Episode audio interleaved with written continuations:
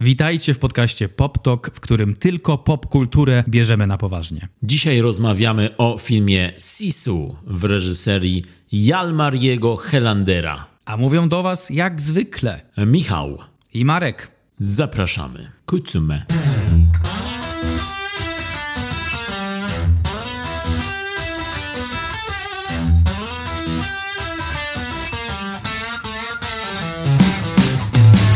Miło dzisiaj wrócić z takim lżejszym tematem po naszej ostatniej pigule dwugodzinnej o filmie Bo się boi, po tych wszystkich psychoanalizach.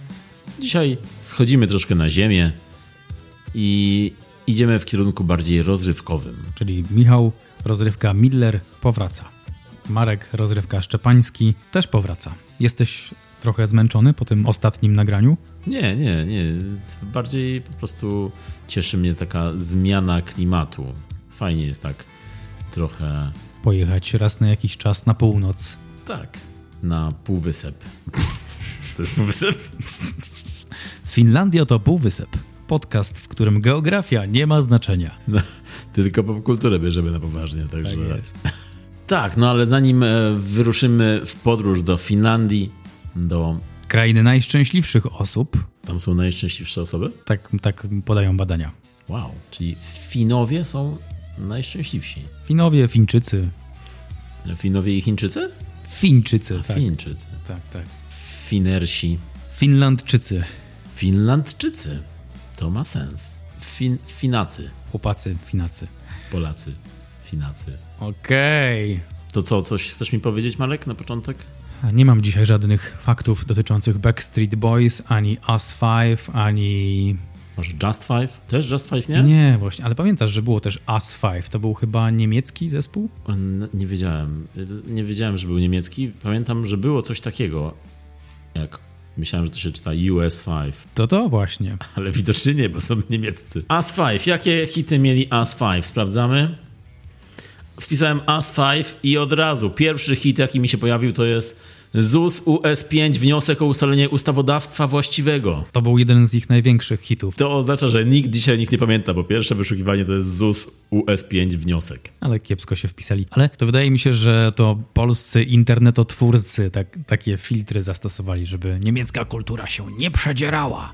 Kultura wroga. Nie będzie Niemiec, zabieram naszych list przebojów. Ale jest, rzeczywiście znalazłem US5 w Berlinie. Założę. Nie, czekaj, pochodzenie USA, Wielka Brytania. Really? Bardzo mi się podoba pochodzenie USA, Wielka Brytania.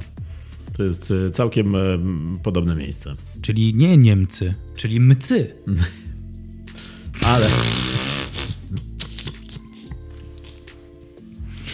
Musiałem trochę pomyśleć, żeby to zrozumieć, ale tak, tak, to było, to było warte tego. To było warte. Coraz niżej. Ale nie, nie będziemy mówić e, też o nich, ani o Just Five. Właśnie mi się pokazał bardzo ciekawy news. Zgadnij o kim to jest.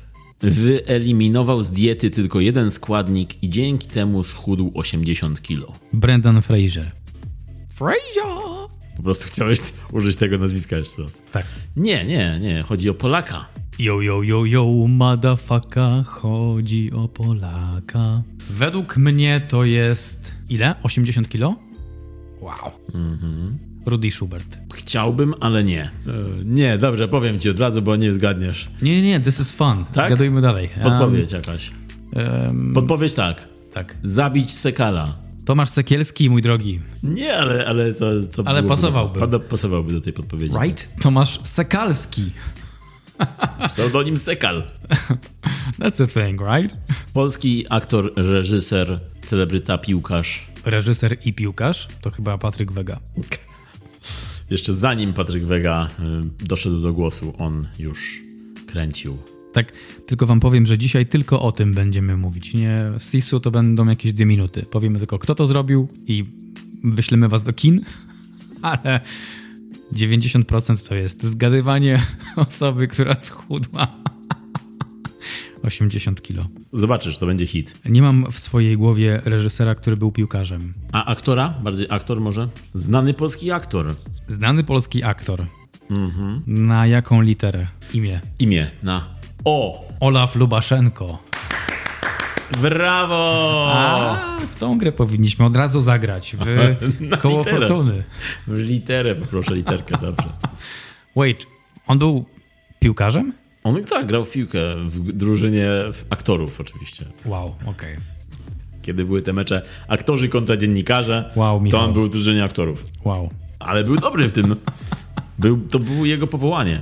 W każdym razie Olaf Lubaszenko schudł 80 kilo i wyeliminował jeden składnik. I był to... I teraz Marek zgaduje, jaki składnik wyeliminował Olaf Lubaszenko. To musiał być majonez chyba. Co innego. Olej. Olaf nie oleju, Kiedyś piłem 5 szklanek oleju dziennie, ale zauważyłem, że to mi szkodzi, ale zauważyłem, że przytyłem 80 kilo. więc piję tylko jedną. No to słucham, czy masz jakiś pomysł, co wyeliminował? Talent. Ale to było dobre. O, mnie bawi. Biedny, biedny Olaf. Burn. Strzelasz coś? Dobra, powiem. Nie, już nie strzelam, bo już się nastrzelałem. Okej, no to słuchaj. Olaf Lubaszenko schudł 80 kilo, bo zrezygnował z picia słodkich gazowanych napojów. I just like that 80 kilo schudł. Podobno zajęło mu to 3 dni. Dobrze, to ustalmy, ustalmy coś. Yy, Olaf Lubaszenko schudł 80 kilo, bo wyeliminował słodkie, gazowane napoje z diety. I to jest ważne, ponieważ... Ponieważ właśnie wydłużyło czas trwania naszego podcastu? A. Dzisiaj idziemy na kolejny rekord 4 godziny. Godzina o Olafie. I gazowanych napojach. Dobrze, no to ten fun fact, e, ten fun fact, który nie jest w ogóle fun, ale jest to jakiś fakt, prowadzi nas do tego, czym chcieliśmy rozpocząć dzisiejszy odcinek, tak naprawdę. Czyli z okazji e, dzisiejszej rozmowy o filmie Sisu, o filmie akcji prosto z Finlandii, e, chcieliśmy przedstawić Wam kilka polecajek Polecam Olafa Lubaszenko. a Olaf Lubaszenko nie poleca gazowanych słodkich napojów. Dzisiaj polecamy filmy akcji. Filmy, które są podobne duchem, klimatem do filmu Sisu w jakiś sposób.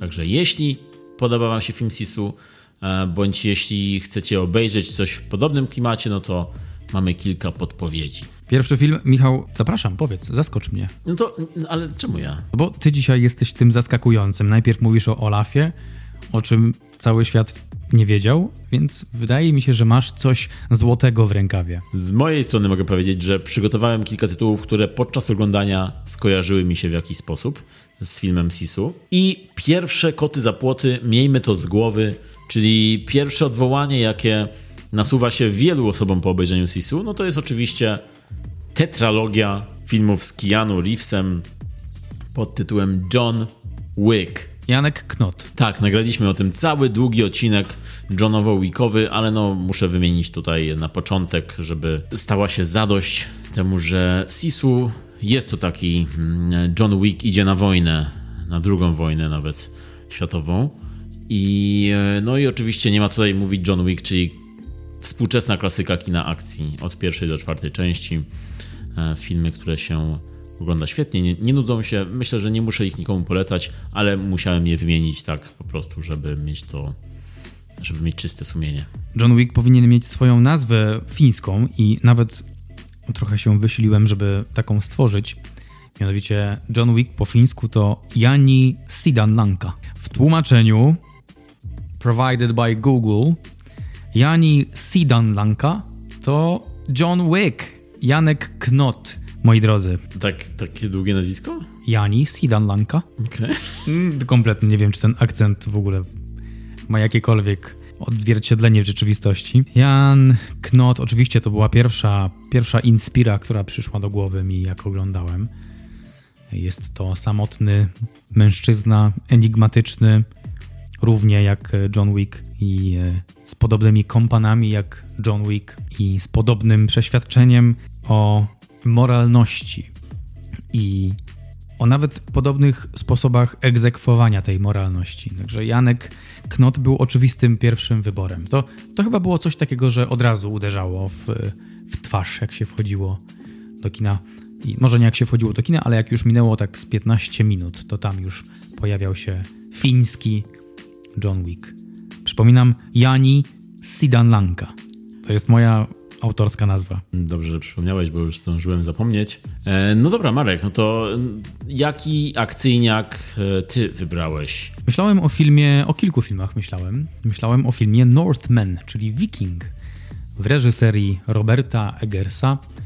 Film, o którym też nagrywaliśmy odcinek i jakoś tak dziwnie w sumie wyszło, że Viking tam się pojawił, bo Finlandia nie jest pierwszym wyborem, gdy myśli się o Wikingach.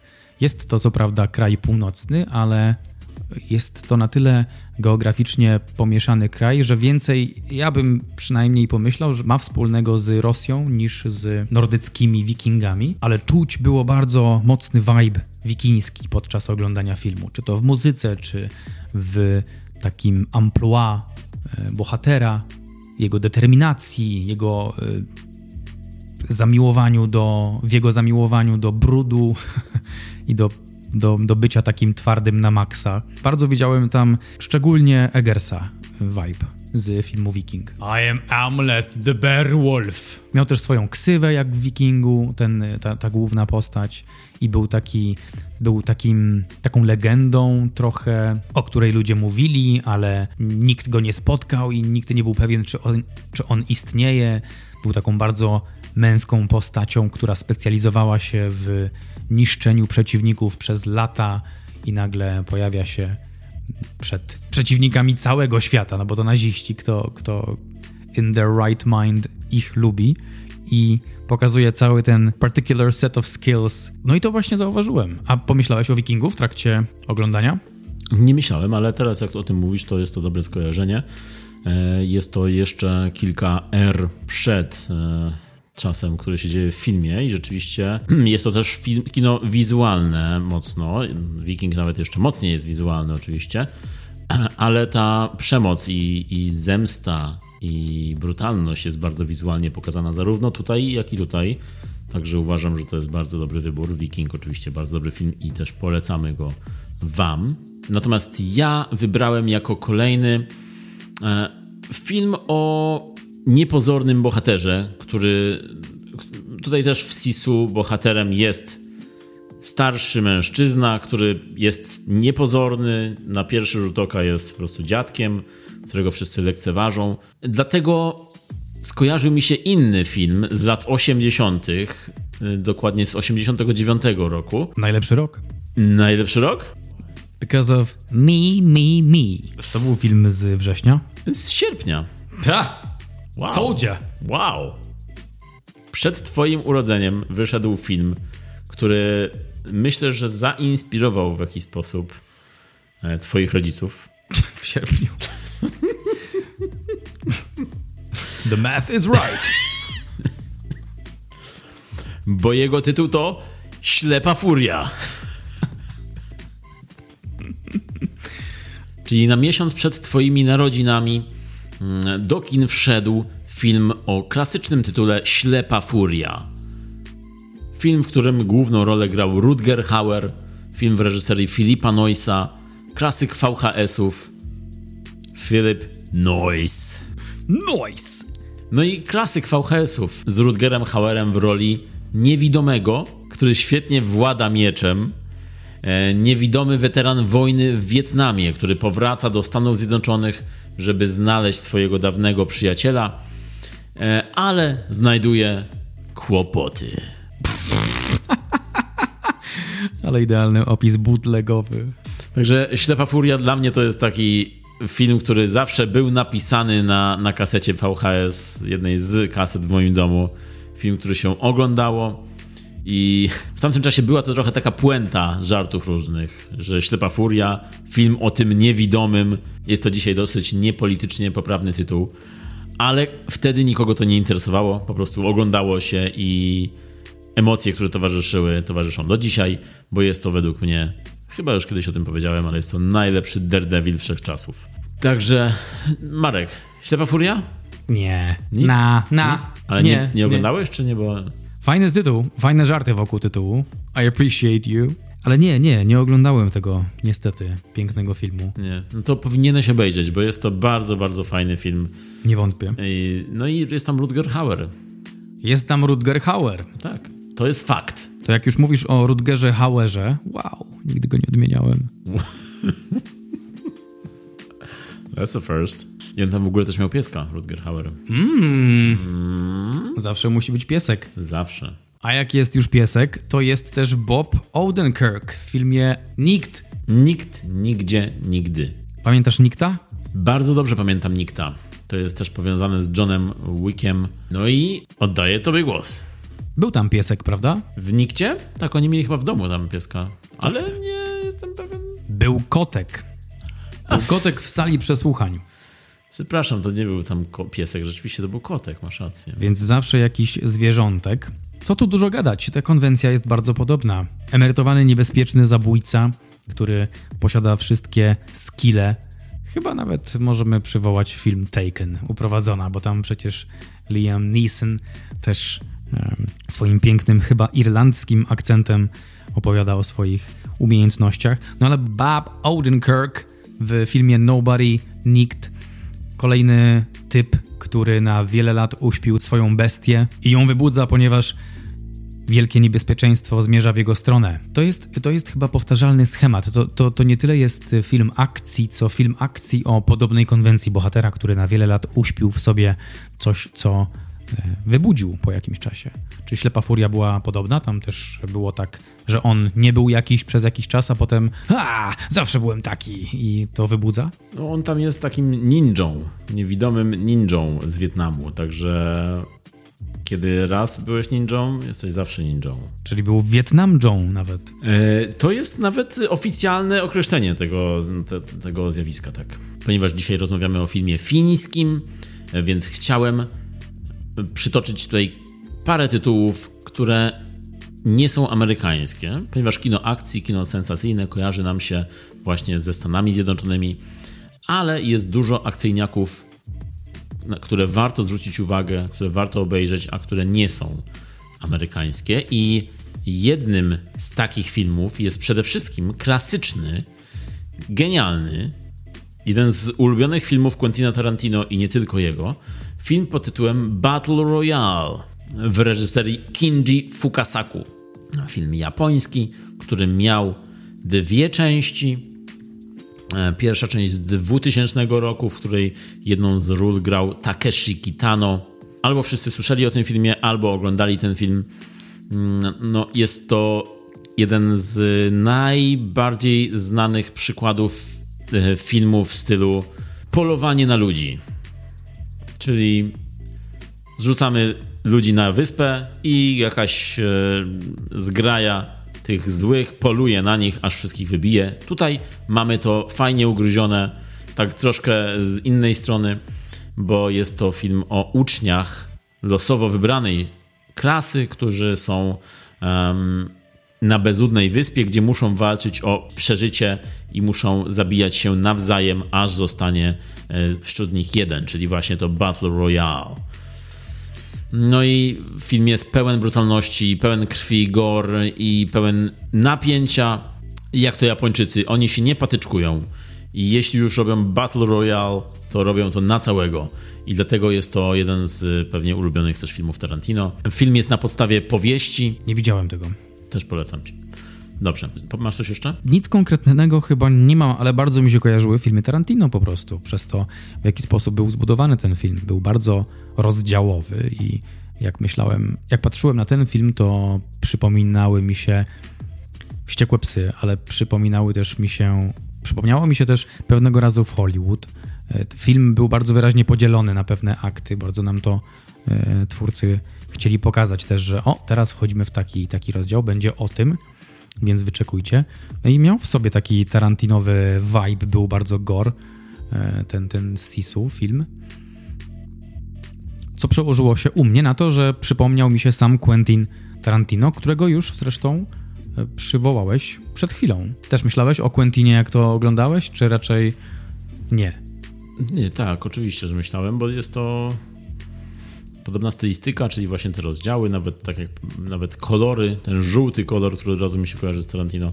Tak. Ale to jest też dlatego, że e, twórcy mieli podobne inspiracje z filmów z lat 70. i wcześniejszych i o tym jeszcze za chwilę porozmawiamy, ale chciałem jeszcze powiedzieć o jednym tytule, e, polecić właściwie wam jeden tytuł, jeśli już mówimy a propos właśnie takich filmów sensacyjnych, filmów akcji, e, no to jeszcze jeden tytuł mi przyszedł do, przyszedł do głowy, którego być może nie znacie, a warto, żebyście go nadrobili. To jest taki ukryty klejnot, czyli e, też film nieamerykański, bo film z Węgier ma oryginalny tytuł Kills on Wheels, a polski tytuł, jak to polski tytuł? Z czystym sercem. Right. Także kiedy słyszycie tytuł z czystym sercem, możecie nie pomyśleć sobie o tym filmie z, tak, jak powinniście pomyśleć i możecie go przeoczyć. A chciałbym się upewnić, że tego nie zrobicie, bo Kills on Wheels e, to opowieść o trzech niepełnosprawnych, którzy poruszają się na wózkach, e, z których jeden jest profesjonalnym zabójcą na zlecenie, a dwóch pozostałych aspiruje do tego, żeby zostać zabójcami i chcą swoje usługi mm, zaoferować lokalnej mafii. I wiem, jak to brzmi. Wiem, jak to brzmi komediowo. I ten film ma komediowe akcenty, ale uwierzcie mi, to jest bardzo tarantinowski, bardzo mm, brutalny, bardzo br brutalna uczta właściwie. Bardzo angażujący film, bardzo mocny, ale też właśnie z tego, co słyszycie, świeży, bo ile możecie wymienić filmów o niepełnosprawnych na wózkach zabijających siebie nawzajem i zabijających innych na zlecenie? No, nie kojarzę. Także film, który wam naprawdę polecam, bo on i ma dobrą akcję, i też potrafi poruszyć, potrafi też rozgrzać serce, to tytułowe, e, ale też potrafi rozśmieszyć. No i jest bardzo nieprzewidywalny. Na pewno Tarantino, jeśli oglądałby go, to na pewno by go polecił wam. Dlatego on tego nie zrobił, to ja wam to polecam. Film Kills on Wheels z 2016 roku, reżyseria Attila Til. To był w tamtym czasie węgierski kandydat do Oscara. Niestety nie przeszedł kwalifikacji, no bo jest to kino akcji, kino komediowe, mm, e, także nie widuje się tego wśród nominowanych, a szkoda, bo naprawdę film jest, jest bardzo, bardzo dobry. Kills on Wheels, ja bym to nazwał Jadka na kółkach. I to byłby dobry tytuł. Prawda? Tak. Mam nadzieję, że ktoś nas słucha wśród dystrybutorów, kto potrafi jeszcze zmienić ten tytuł z tytułu Z czystym sercem na jadka na kółkach. Paraolimpiadka. Wow! Wow! Czujesz to? Jadka. Jadka jak, y, jak w poprzednim tytule. Paraolimpiadka. Wow. Mind blown. Ja muszę się tam do nich zgłosić. Zgłoś się do dystrybutora e, któregokolwiek. Niech cię przyjmą. I pierwsze co zrób to zmień tytuł na Paraolimpiadka. Jestem nawet, naprawdę z siebie dumny. Nawet to... jeśli cię wyrzucą, to będzie warto. Będzie warto, tak, tak. A propos tytułów, to sprawdzałem tytuł naszego dzisiejszego filmu Sisu w różnych krajach i o dziwo, w, dla reszty świata to jest film Sisu, a dla Finlandii, czyli w kraju, z którego ten film się wywodzi, to jest Immortal tytuł. Co jest dziwne, bo Finowie mówią, że tytuł Właściwie nie da się przetłumaczyć tego tytułu, bo Sisu oznacza taką determinację, skrajną determinację i brak zgody na poddanie się, po czym sami w swoim kraju tłumaczą, e, to będzie immortal, to, to będzie jednak nieśmiertelne. Dobra, ziomeczki? Ale jakby ktoś pytał spoza Finlandii, to mówcie Sisu. Okay? Nie da się przetłumaczyć. Jesteśmy na tej samej stronie, ale ich nabierzemy. Uwierzą nam, że Sisu to jest słowo. Ale film Sisu w reżyserii Jalmariego Helandera, twórcy, który nie jest bardzo, bardzo znany, ale w swojej karierze udało mu się zmieścić Samuela L. Jacksona w filmie z prezydentem. Polowanie na prezydenta. Tak jest. W oryginale Big Game. Okej, okay. spodziewałbym się President Hunt. No i nie. właśnie, zaskoczenie. Ale może, wiesz co, może w Finlandii miał taki tytuł.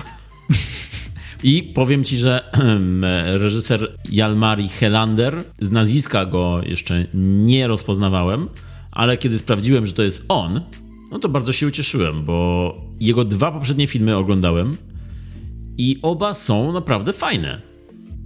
I to jest dobre kino rozrywkowe. Pierwszym jego filmem był Rare Exports to jest jakaś opowieść za tymi jego filmami.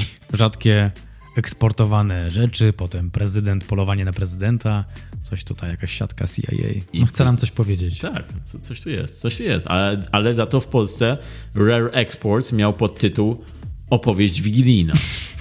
Okej. Okay. Żeby nie było wątpliwości. Oczywiście, że miał, Michał, w Polsce. Myślę, że to drugi tytuł w Polsce mógłby mieć podtytuł Opowieść wigilijna i wcale by nas to nie zdziwiło. E, ale tak, Rare Export z 2010 roku to jest film, który swojego czasu był e, taki e, kontrowersyjny, ale też wywołał swoiste poruszenie, bo to był film z cyklu, o którym też niedawno powiedzieliśmy przy okazji Puchatka, który bierze taką dziecięcą bajkę, dziecięcą rzecz i robi z tego swojego rodzaju horror, bo tutaj mówimy o świętym Mikołaju jako tym złym.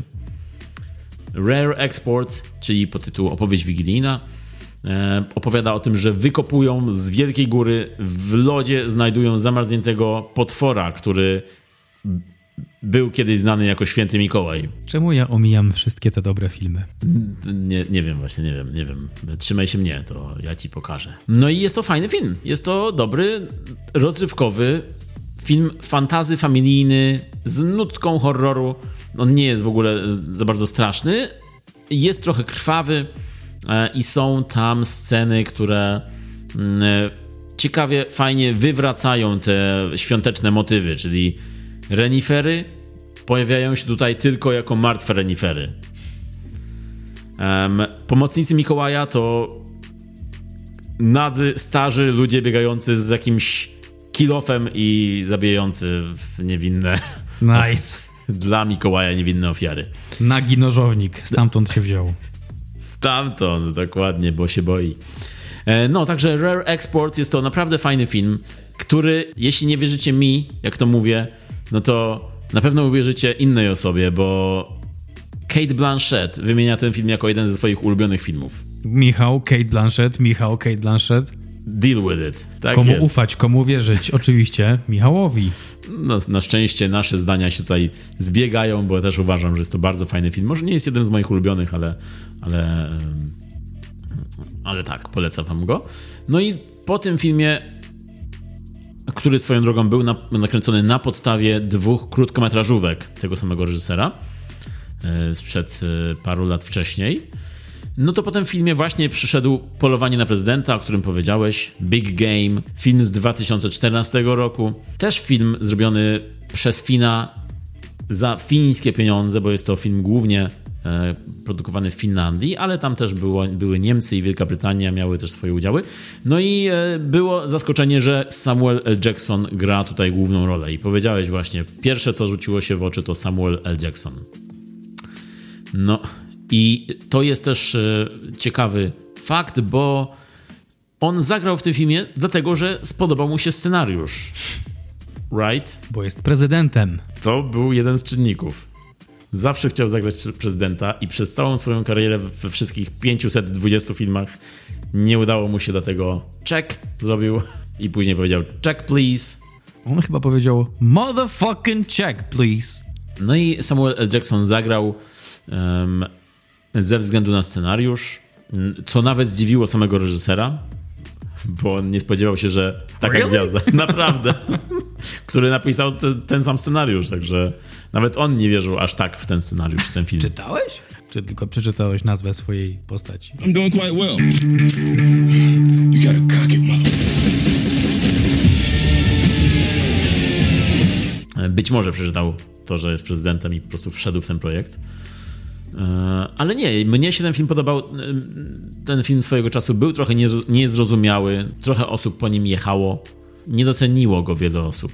A uważam, że jest to naprawdę dobre kino rozrywkowe. Taki, taka sensacja prawdziwa z ery lat 90. Sensacja. Tak, wróciliśmy do sensacji.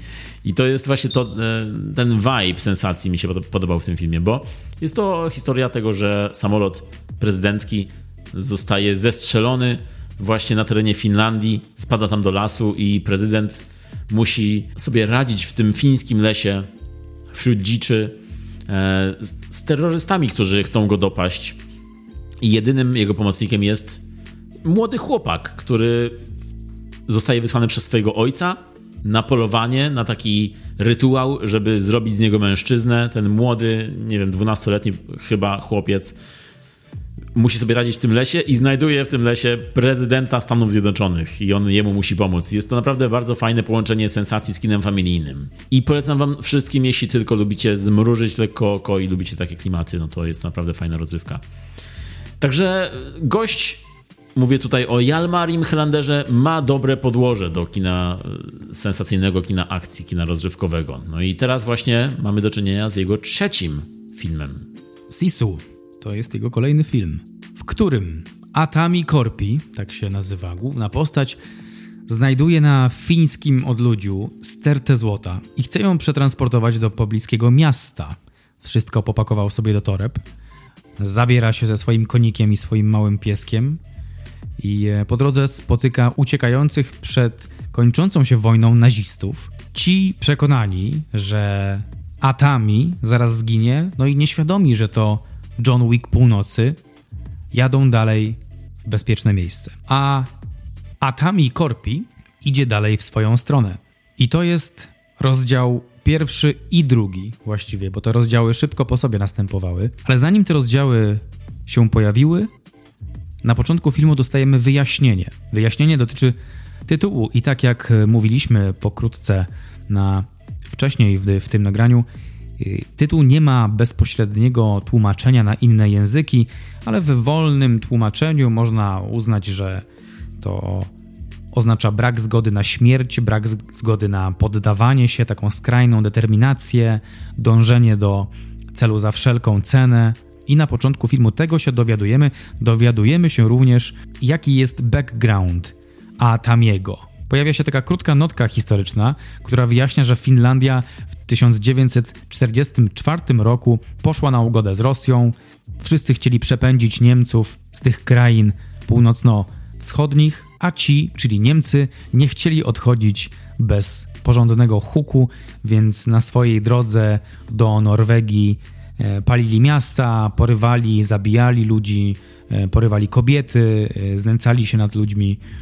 I ta taktyka nosiła nazwę spalonej ziemi, czyli jak to w filmie się pojawia, Scorched Earth. I mniej więcej w tym czasie historycznym, oczywiście jest to fikcja, e, ale taki timeline pokazują nam twórcy. I wtedy też spotykają się te dwie strony, czyli Atami Korpi, nasz e, John Wick Północy, nasz Jani Sidanlanka i naziści.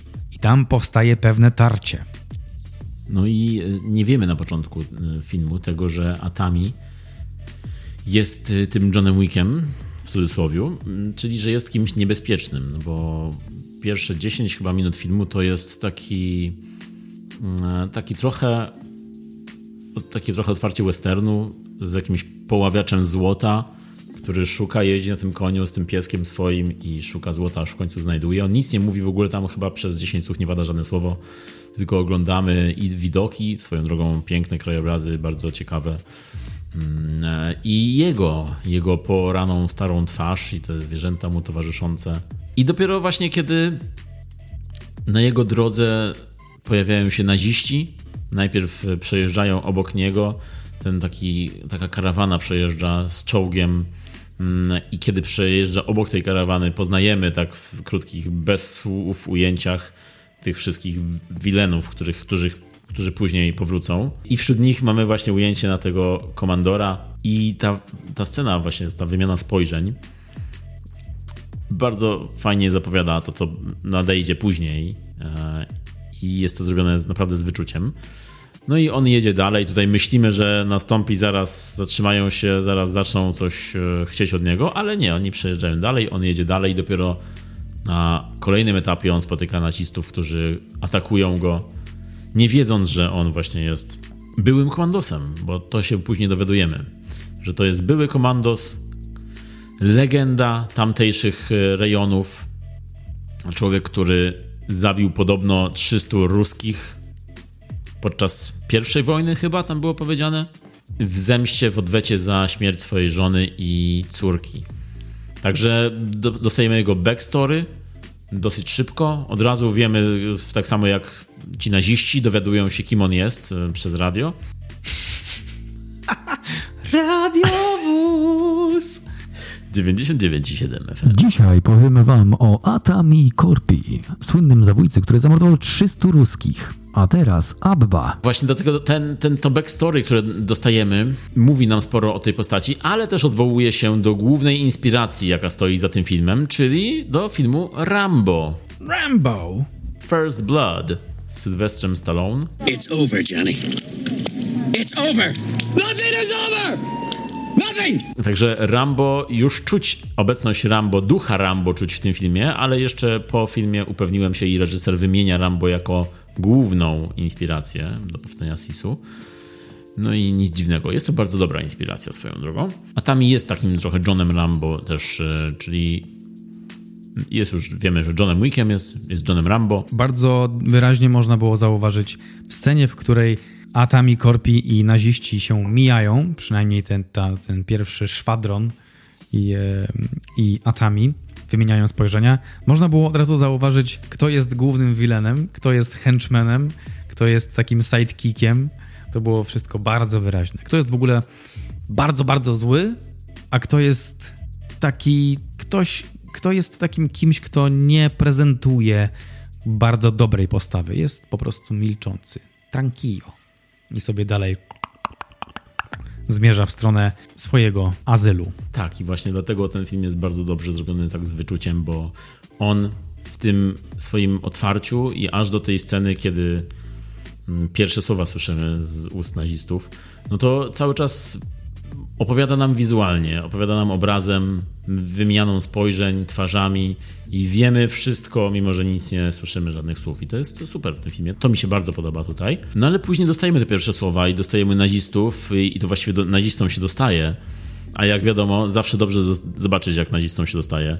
E, I główną atrakcją filmu na pewno, jak dla mnie, było to, że ktoś atrakcyjnie wyżynał tych nazistów. Zawsze dobrze popatrzeć, jak ktoś atrakcyjnie wyżyna nazistów. Tak, to jest przepis na udany film akcji. Tak jest. Już od czasu II wojny światowej przez później parszywą dwunastkę, aż po nawet niedawno bękarty wojny.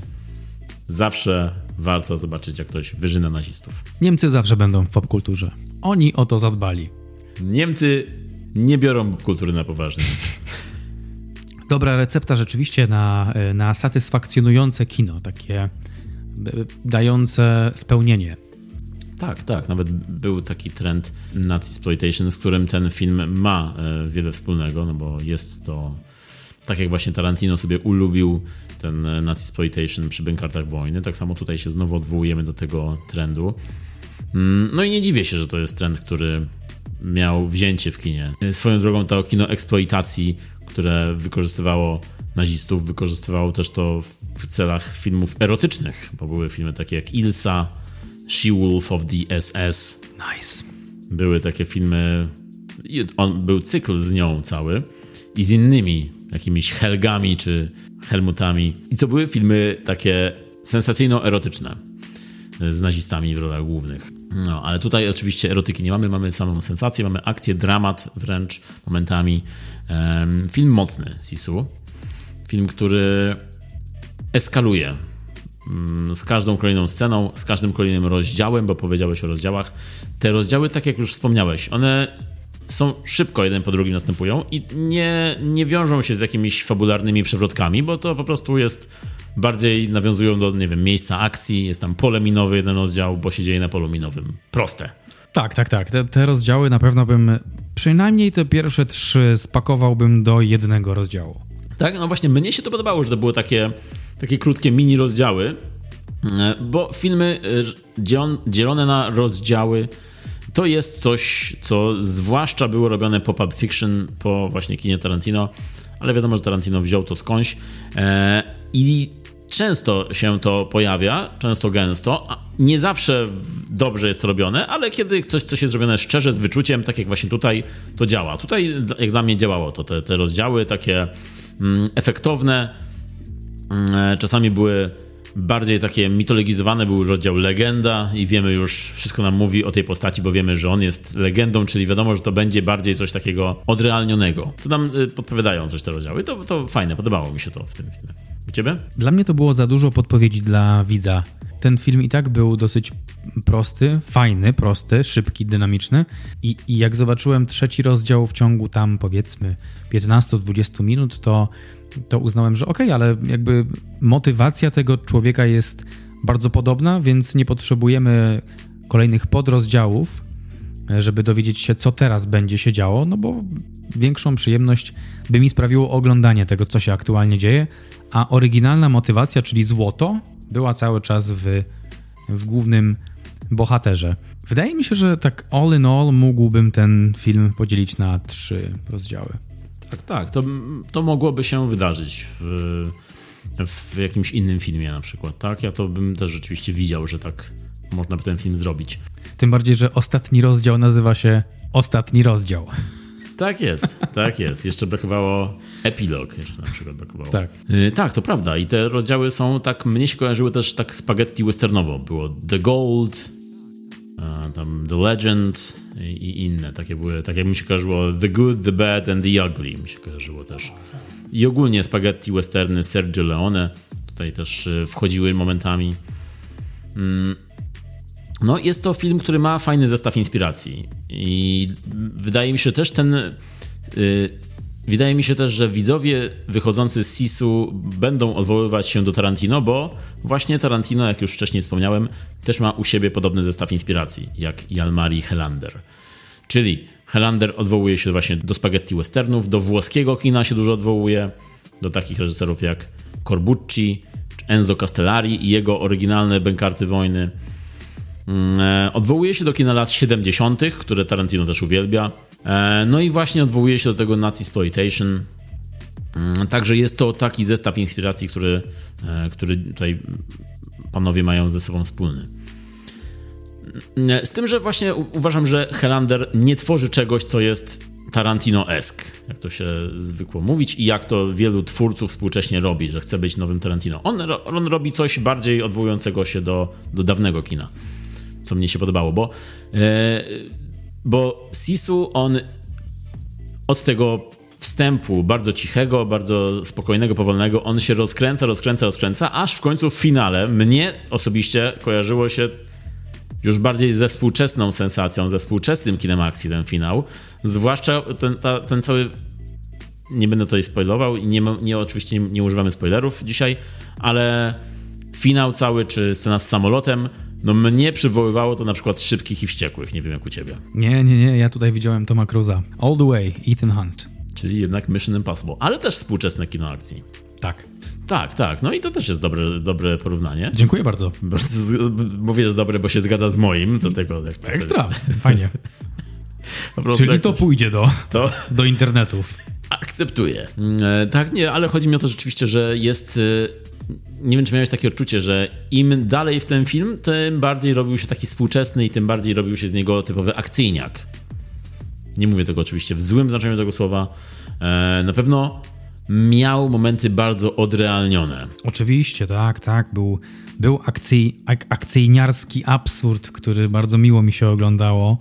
E, za każdym, z każdym absurdem, z każdym absurdalnym uniknięciem śmierci oszukaniem śmierci, śmiałem się jeszcze głośniej, ale kibicowałem, bo, bo, bo wpadłem w, to, w, w, ten gatunek. To właśnie mi się bardzo podobało, że mamy 100 ways to die, ale nie chce nikt umrzeć, bo no bo Sisu i to oszukiwanie śmierci i brak zgody na śmierć i taka determinacja, to się świetnie wpasowało w, w, w zamierzenia twórców. Tak, tak to odbierałem i po prostu miałem e, świetną zabawę z tego. I nawet fajna widownia się trafiła, bo ludzie też kumali te konwencje i śmiali się, patrząc na ekran, jak Kosiej, czyli główna postać, Kościej, powstaje z prawie zmarłych i, i, i naprawia się brudem z ziemi i, e, i przypala sobie rany i e, no jest po prostu niesamowitym Tomem Cruzem, takim na starych fińskich przyprawach e, prehistorycznych. I to jest scena, która mnie się też bardzo kojarzyła z Rambo, z Johnem Rambo, który też się przypala, żeby, że, że polewa alkoholem, żeby sobie zagoić rany, żeby się wyleczyć. E, taki oldschoolowy zestaw e, lekarski. Tak, tak. No i przecież wszyscy, wszyscy wszyscy badashi z filmów, albo nawet sama Ellie z The Last of Us. To jest szycie się y, na, na żywca, przypalanie się albo polewanie się benzyną. polewanie się benzyną, albo nawet przecież y, David Harbour w Dzikiej Nocy też się szył na żywca. Wszystkie te twarde charaktery robią to dla nas, żebyśmy patrzyli i mówili wow, this is fucking manly. Czyli następnym razem jak się skaleczysz robiąc y, obiad, to pamiętaj, Benzyna. bierzesz igłę, nitkę, benzynę albo skoczysz na balkon z doniczki trochę ziemi i dopiero. Nie jakieś tam, wiesz, pod wodę i, i oktanisept. Nie.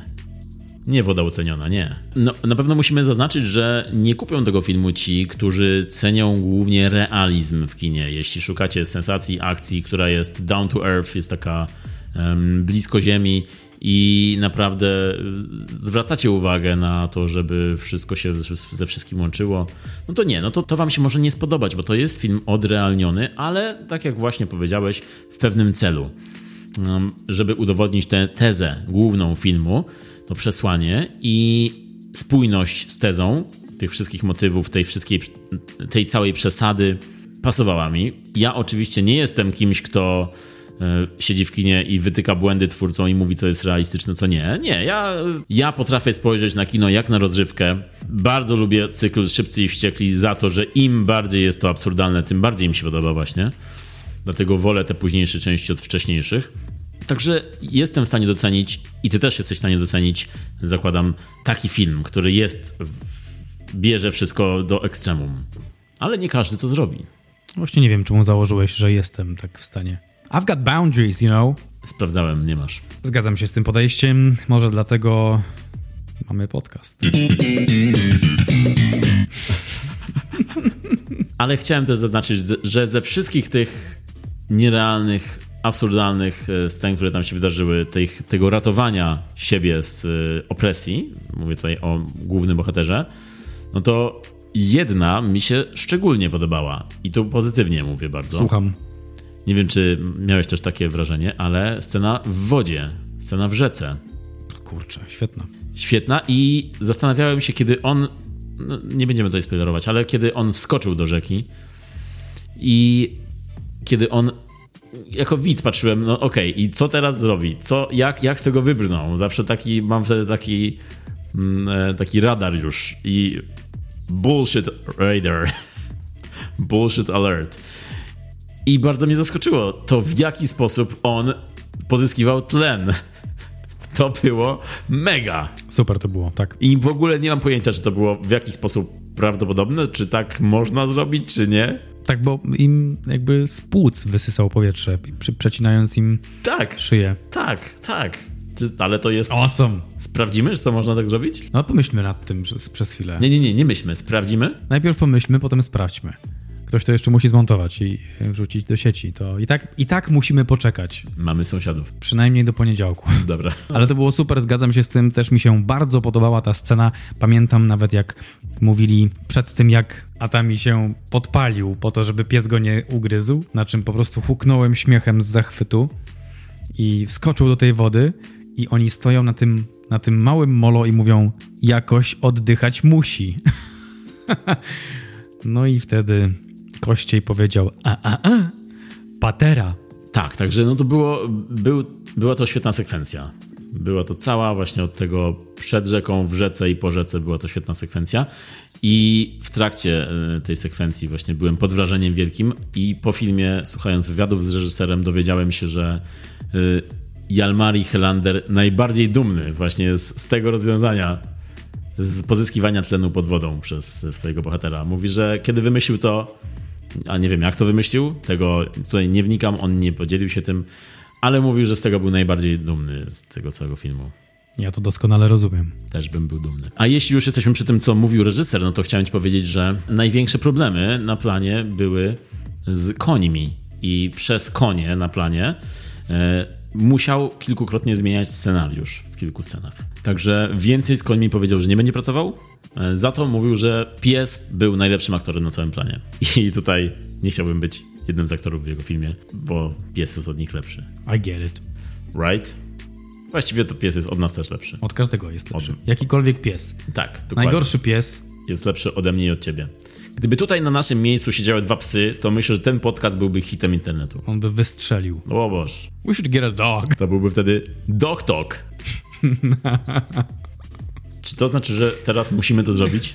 To znaczy, że jest późna godzina. No i jeszcze chciałem zaznaczyć jedną rzecz, bo w filmie jest y, kilka scen e, z latającymi kończynami. Kiedy miny, czy granaty, granaty, czy pociski wysadzają kogoś w powietrze. Nice. Tak, bardzo fajne, krwawe sceny. I też twórcy podkreślali, że tymi kończynami na planie rzucał sam reżyser. I ja to też totalnie rozumiem. Też gdybym był na jego miejscu, rzucałbym kończynami na planie. To jest tak jak Mel Gibson, który właśnie kiedyś to widzieliśmy, wbijał gwoździa. To jest dokładnie jak Mel Gibson. To jest właśnie ten poziom. To jest dokładnie jak Mel Gibson. I zakończmy tutaj, nie będę rozwijał tej myśli. To jest Adaś Miałczyński biegnący z dymem po planie. To jest Mel Gibson bądź Adaś Miałczyński. Jedno z dwóch. No, okej. A jak ci się podobał ten pan w głównej roli jako Atami Korpi? Masz na myśli Jormę Tomile? Tak. Jorma Tomila świetnie sobie poradził według mnie. Fun fact jest taki, że on chyba z synem albo wnukiem grał y, w tym filmie, bo jest dwóch Tomilów. Jest Jorma Tomilla i Onni Tomilla. I to jest y, jeden z tych nazistów, który okazał Kościejowi najwięcej szacunku, tutaj nie, nie mówiąc y, za dużo. Ale Jorma poradził sobie świetnie dla mnie. Mm, Nie zostawił żadnej, żadnej zmarszczki zwątpienia. Ja wierzyłem całkowicie w tą postać, on w nią wszedł całkowicie. E, Fajne jest też to, podkreślę to, że pojawili się tam, tak podejrzewam, jak, jako rodzina, jako, jako ludzie spokrewnieni. Fajna była ta cisza, którą nam zaserwował i, e, i, i ten, ta wściekłość, którą nam zaserwował i to niby taka była postać prosta do zagrania, bo wiele nie potrzebowaliśmy, ale on dużo dawał od siebie. Właśnie sprawdziłem i rzeczywiście jest to ojciec i syn w prawdziwym życiu. Mm, I obaj ci aktorzy, Jorma Tomila i Oni Tomila, to są stali aktorzy reżysera i scenarzysty Jalmariego Helendera. I ciekawe jest to, że Jorma, czyli główny bohater, e, o którym powiedziałeś, rzeczywiście bardzo dobrze wypadł w tej głównej roli i pomaga tutaj to, że on jest w ogóle nieopatrzony dla nas, e, widzów, którzy nie jesteśmy przyzwyczajeni do kina fińskiego. No ale, ale kiedy sprawdziłem jego filmografię, to ciekawe jest to, że on y, tą rolą powrócił po 8 latach do grania w filmach, a poprzednią rolą był film tego samego twórcy, czyli właśnie Polowanie na prezydenta z 2014 roku. Y, I wystąpił też w 2010 filmie Rare Export, opowieść Wigilina. I, I w obu tych filmach też grali wspólnie, on i syn bo Oni Tomila, czyli syn, też wystąpił w tych trzech filmach, a w filmie Rare Export wystąpili też jako ojciec i syn. Czyli widać, że mają tutaj bliższą relację z reżyserem, widać, że dobrze im się pracuje razem. I fajne jest też to, że e, oglądałem te poprzednie dwa filmy, czyli Rare Export i Polowanie na prezydenta, i w obu rzeczywiście zwróciłem uwagę na głównego bohatera, czyli na tego chłopaka, młodego wtedy jeszcze. A w filmie Sisu ten młody chłopak, który był, którym był w poprzednich filmach, już jest tutaj dorosły, bo on gra właśnie e, jednego z nazistów, jednego z tych głównych nazistów. E, No to fajnie było rzeczywiście widzieć tę przemianę mm, tego aktora.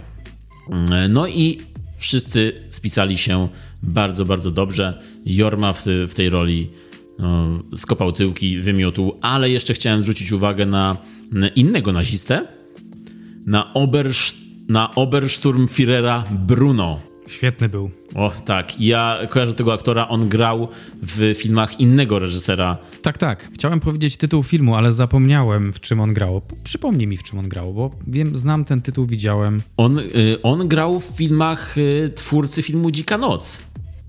Violent Night. Nie grał w tym filmie, ale grał w filmach Tomiego Wirkoli. Bo Tommy Wirkola, o którym tu już mówiliśmy kiedyś przy okazji filmu Dzika Noc, zrobił też taki dobry film, dobrą czarną komedię jak Złe Dni na Netflixie. W Marsjaninie grał. Ale grał też w Marsjaninie z Matem. Rac- Racja, racja. Właśnie o tym chciałem Racja. powiedzieć. Tak, tak. Mnie utkwił w głowie, zwłaszcza przez film Złe Dni, gdzie grał główną rolę, jedną z dwóch głównych ról i też był taki trochę zabawny, trochę mroczny. Tutaj jest tylko mroczny, jest taki zawzięty, mroczny nazista z niego i sprawdza się bardzo, bardzo dobrze. Ale świetną ma gębę do tego. Oj tak. Tak, i tako, takie beznamiętne spojrzenie miał często, które Tak, tak. Wywoływało dosyć, dosyć duży e, strach.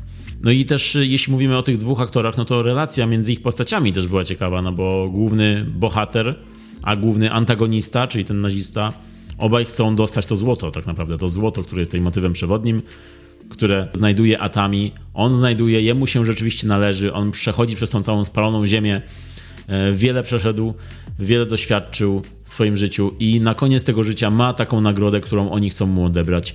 Z tym, że dla niego ta, to złoto i ta nagroda oznacza coś innego całkiem niż dla, niż dla tego Obersturmführera Bruno. Bo jak wiadomo, on chce to złoto, żeby mieć jakąś alternatywę dla swojej przyszłości powojennej. Tak, tak, mają zupełnie inne motywacje. Jedna jest e, jasna jak słońce, druga jest ciemna jak nazistowskie Niemcy. Dokładnie tak. I było to też ciekawe odwrócenie tych westernowych tropów, gdzie zawsze poławiacz złota jest takim trochę komicznym wręcz elementem i to, że on znajduje złoto, to to e, zawsze prowadzi do złych rzeczy, a tutaj to złoto jednak jest jakimś takim wybawieniem dla głównego bohatera. To mi się też podobało. A były jakieś momenty, które ci się nie spodobały?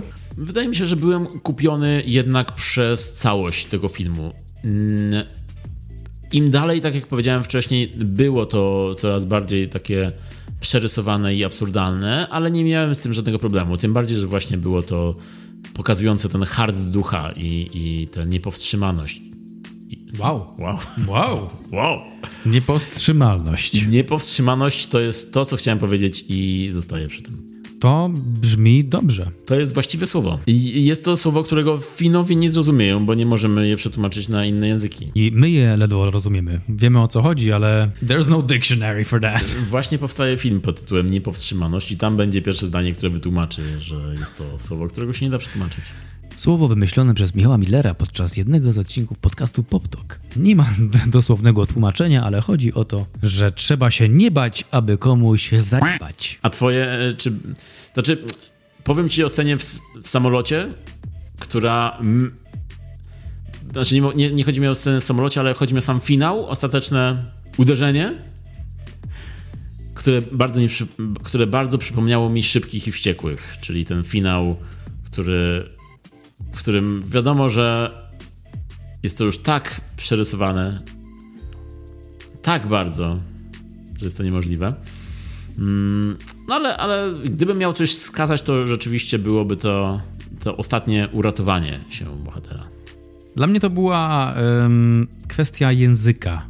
Szkoda mi było, że to było po angielsku, ale rozumiem czemu, bo automatycznie zasięg się zwiększa tego filmu, a że jest to taki prosty akcyjniak skierowany na akcję i na taką mocną męską postać, no to, no to automatycznie Stany już y, rozkładają ramiona i witają z gorącem, bo oni takie filmy bardzo lubią, jak coś jest w ich języku.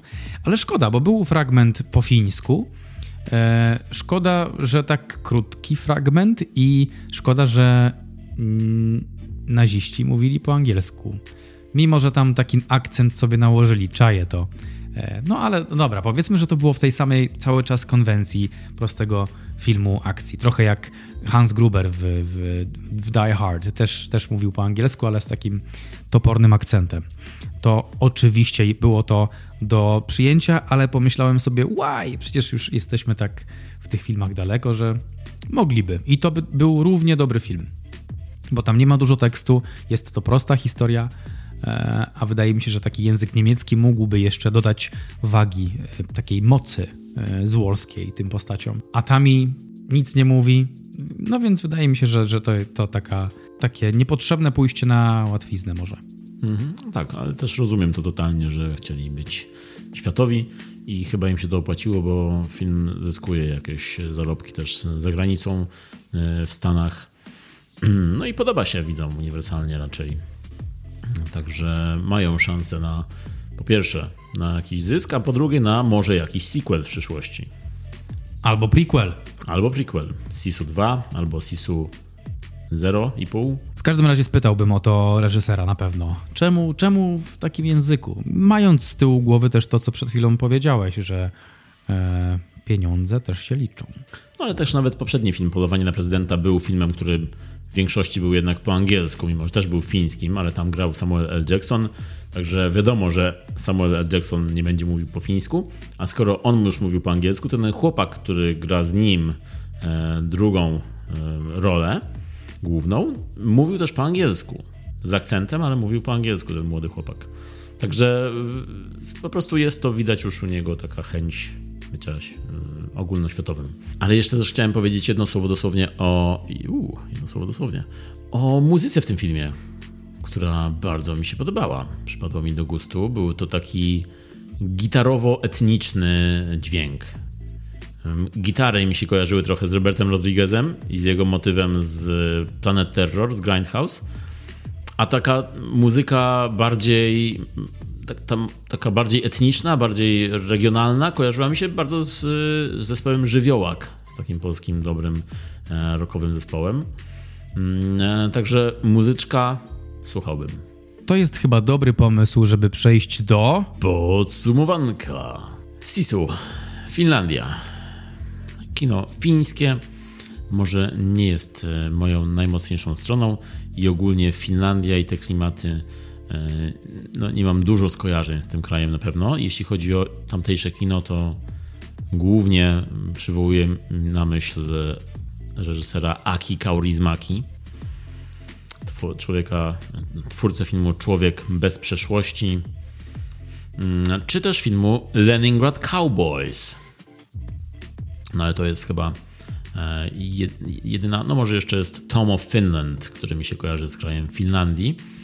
Ale oprócz tego, no to wydaje mi się, że będzie mi się kojarzył teraz y, pan Jalmari Helander z tym krajem, bo jego trzeci film, który oglądałem, trzeci film, który nakręcił, mm, to jest trzeci raz, kiedy dobrze się bawię.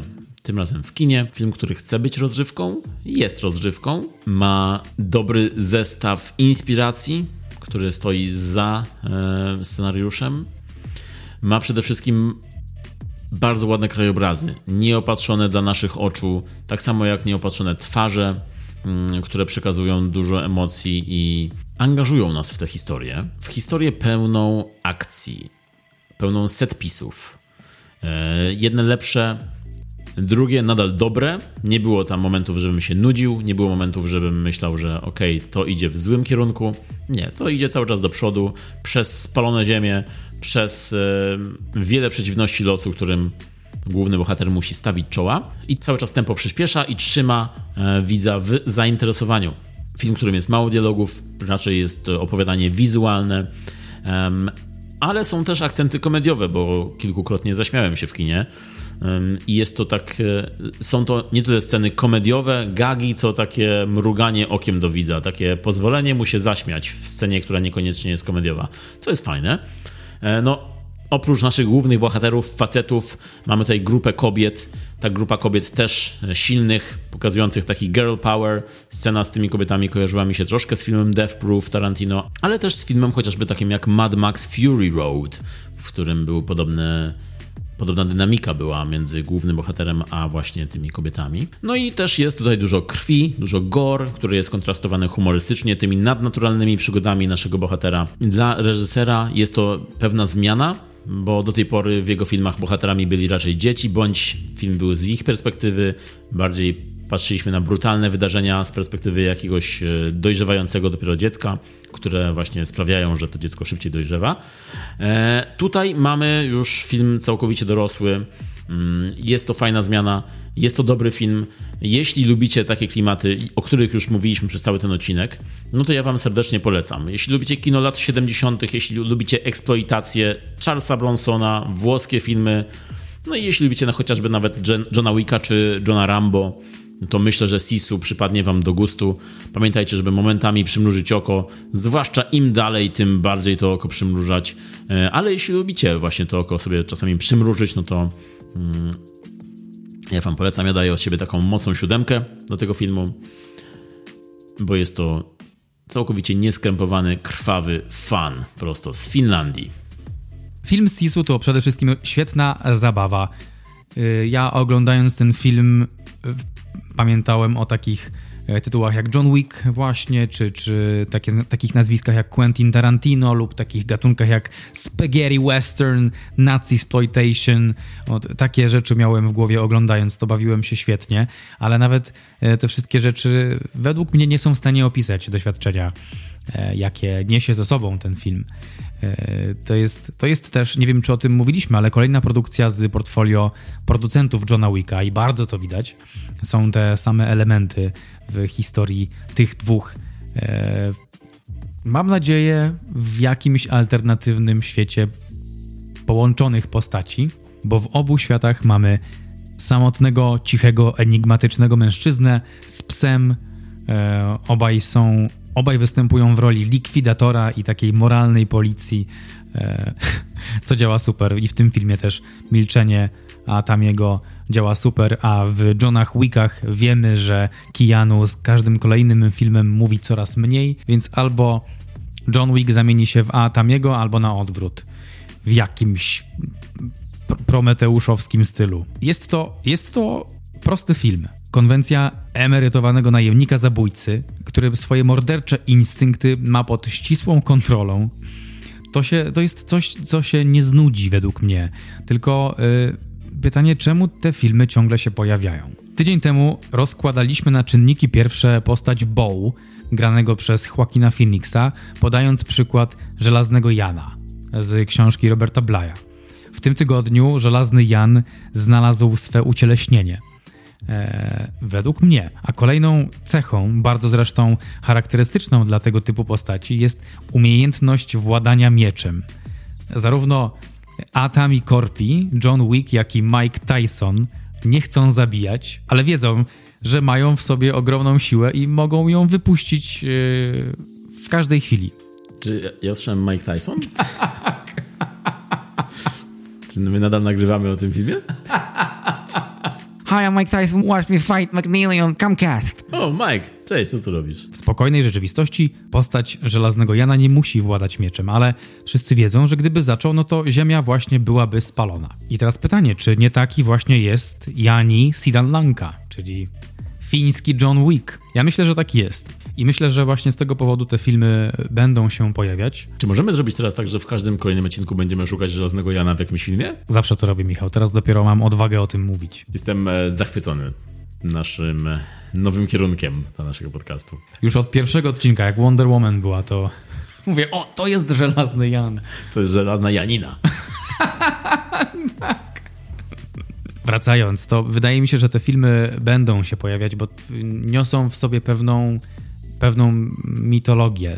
Ten żelazny Jan to jest taka, taki uniwersalny archetyp, który będzie wracał. Archetypy lubią wracać i wydaje mi się, że ten archetyp takiego mężczyzny, który miał to wszystko, ale to wszystko stracił i teraz, e, i teraz e, wycofał się do świata spokojnego, ponieważ widział, że, że ta bestia w nim e, dużo potrafiła osiągnąć, ale potrafiła też dużo zniszczyć i poczuł tego konsekwencje, ale po latach okazuje się, że to był przydatny mm, sprzymierzeniec i warto go wybudzić. Wydaje mi się, że właśnie w takich postaciach e, to jest widoczne. Nie w Bow. Bow był tego przeciwieństwem. On trochę próbował go wybudzić, ale tam się coś nie udało. A, ale tutaj, tutaj to widać. I no właśnie, niby prosta historia, ale, ale, e, ale uniwersalna i będzie według mnie wracać. Ja muszę powiedzieć, że bawiłem się świetnie i każdemu polecam ten film. Świetna rozrywka, absurd za absurdem, ale jeśli tylko przełączymy pstryczek w naszej głowie, że to wszystko to jest rozrywka, to według mnie będziemy się bawić świetnie. I na pewno, na pewno uzupełnię e, szafki o ten tytuł, jak już się pojawi w dystrybucji i będę męczył gości, żeby to oglądali.